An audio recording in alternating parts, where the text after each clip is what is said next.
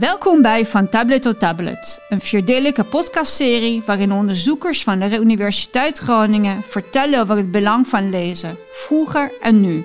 En over leestechnieken die heel modern lijken, maar eigenlijk in de middeleeuwen ontwikkeld zijn. Mijn naam is Sabrina Corbellini, hoogleraar op het gebied van de geschiedenis van het lezen in premoderne Europa bij de Rijksuniversiteit Groningen. Wetenschappelijk onderzoeker Pieter Boonstra bezoekt samen met vier collega-onderzoekers bijzondere plaatsen van kennis en gaat daar met ze in gesprek over een onderzoek naar boeken, lezers en leestechnieken, van wastablet tot tabletcomputer. Deel 2. Anna de Bruin in het Huis van het Boek, Den Haag. Mythbusting, geletterdheid en de drukpers. In de middeleeuwen werd veel gelezen. En de ontwikkeling in de 15e eeuw van de boekdrukkunst maakte dat er alleen maar meer boeken kwamen. Ik ga naar het Huis van het Boek, voorheen het Museum Meermanno, in Den Haag, voor een gesprek met Anna de Bruin, promovendus aan de Rijksuniversiteit Groningen, waar zij onderzoek doet naar geïllustreerde boeken uit de periode van de opkomst van de drukpers.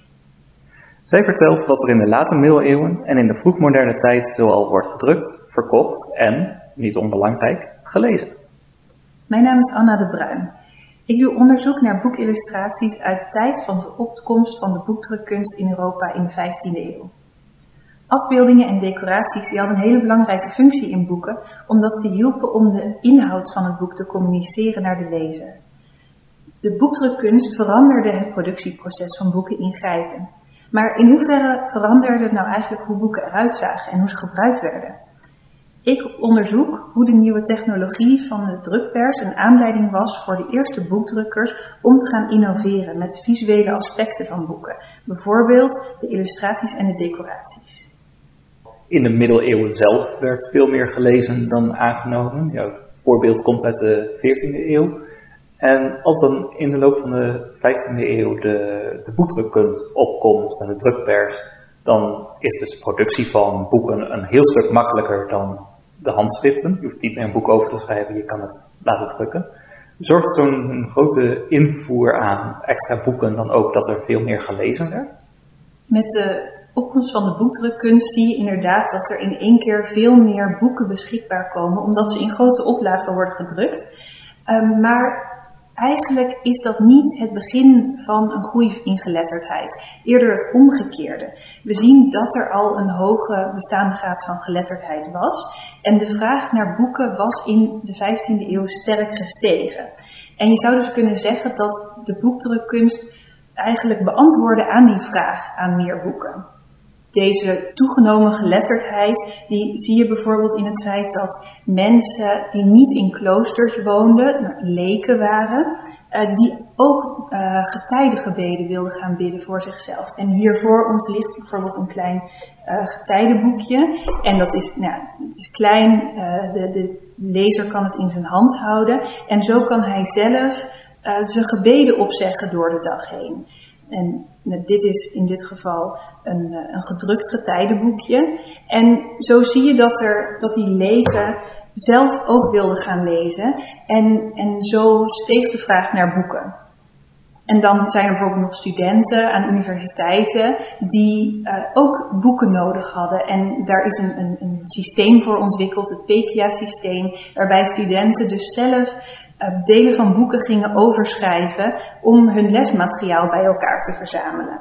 En zo groeide dus de vraag naar uh, devotionele boeken, maar ook naar ander soort boeken. En eigenlijk is er geen enkele periode waarin zoveel manuscripten bewaard zijn gebleven, zoveel handgeschreven boeken, als de 15e eeuw. Dus zo zie je dat eigenlijk die drukpers tegemoet kwam aan een grote vraag naar boeken. Veel meer de omgekeerde volgorde. Het beantwoordt omdat er zoveel vraag is, in plaats van dat door de overvloed aan aanbod een nieuwe vraag wordt gecreëerd.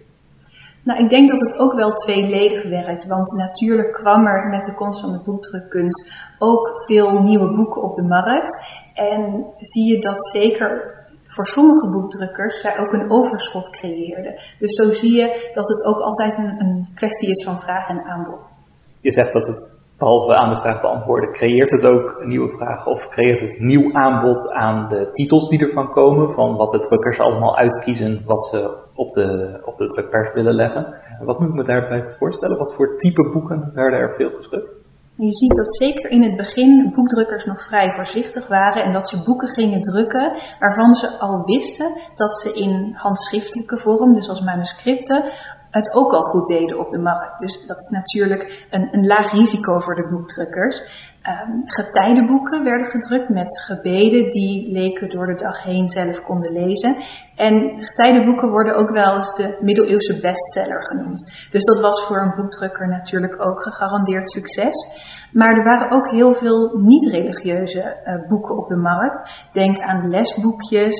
Um, er zijn ook bijvoorbeeld teksten van vrouwelijke auteurs bekend, uh, waar we misschien niet zo snel aan zouden denken. Maar een vrij beroemde uh, vrouwelijke middeleeuwse auteur is Christine de Pizan.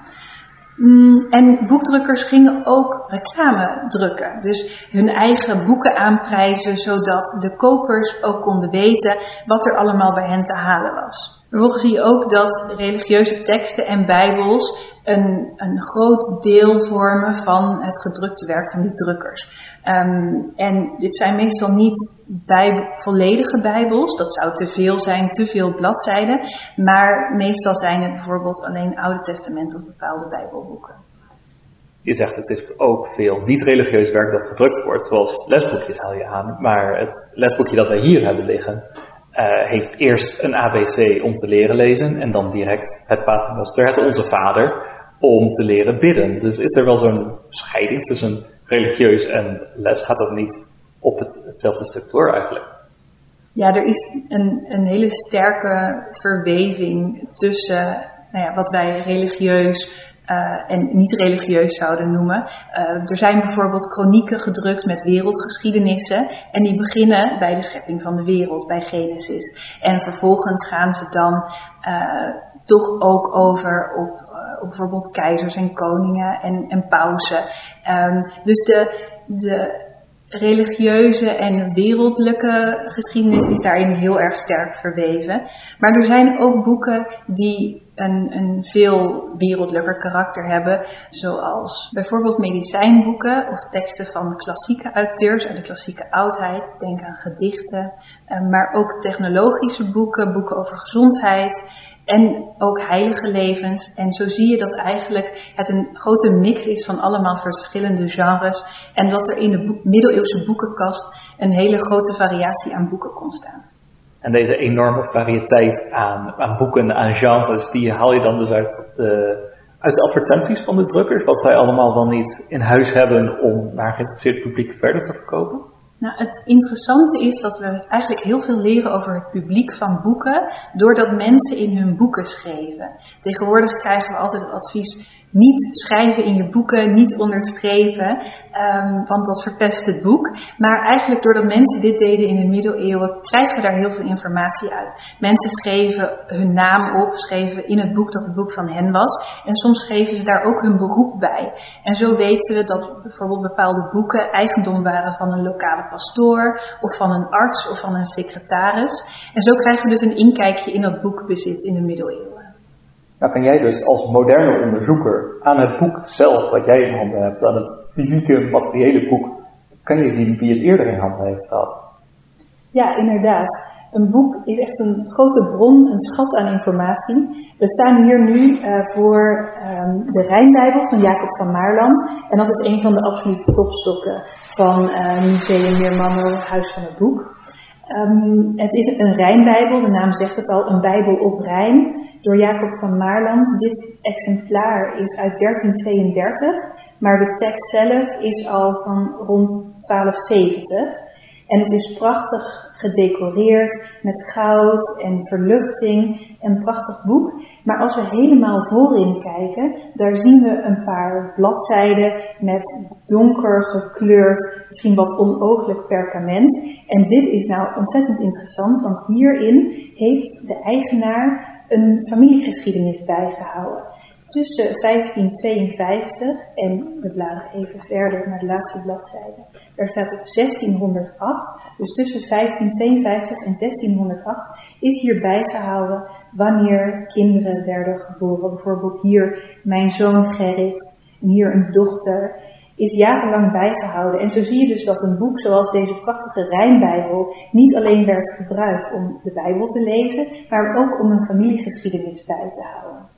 Deze Rijnbijbel is dus al heel erg vroeg in de volkstaal. Het is op Rijn, het is nog met de hand geschreven. Kwamen dergelijke boeken dan ook op de drukpers uit? Ook uh, veel Bijbels van de drukpers? Ja, er zijn inderdaad veel Bijbels gedrukt in het Nederlands. Het eerste gedrukte boek in Nederland, in de Nederlandse taal, is ook een Bijbel. De Delftse Bijbel, gedrukt in Delft in 1477. En waarschijnlijk is die gedrukt in een oplage van ongeveer 250 exemplaren. En daarvan zijn er tegenwoordig nog zo ongeveer 60 bewaard. En hier in het Huis van het Boek zijn ook een, een vrij groot aantal exemplaren. Hier volgens ligt ook een Delftse Bijbel. Het is een, een dikke pil, het is een, een erg dik boek. Um, maar eigenlijk het verrassende is dat het nog niet eens de hele Bijbel is. Het is alleen het Oude Testament, min een aantal, minder psalmen. Dus als de Delftse Bijbel de volledige Bijbel zou hebben omvat, dan zou het echt een enorm boekwerk zijn geweest. Veel dank voor uw belangstelling en luister ook naar de andere drie podcasts in de serie van Tablet tot Tablet, gemaakt door medewerkers van de onderzoeksgroep Geschiedenis van het Lezen in Premoderne Europa van de Rijksuniversiteit Groningen. Deze podcast is mogelijk gemaakt door een prijs toegekend door de Koninklijke Nederlandse Academie voor Wetenschappen in het kader van het project Wetenschap, gewaardeerd. Techniek montage John Dubb audiovisuele dienst van de Rijksuniversiteit Groningen, muziek, ensemble Salentus, vedospel door Manuela Boucher.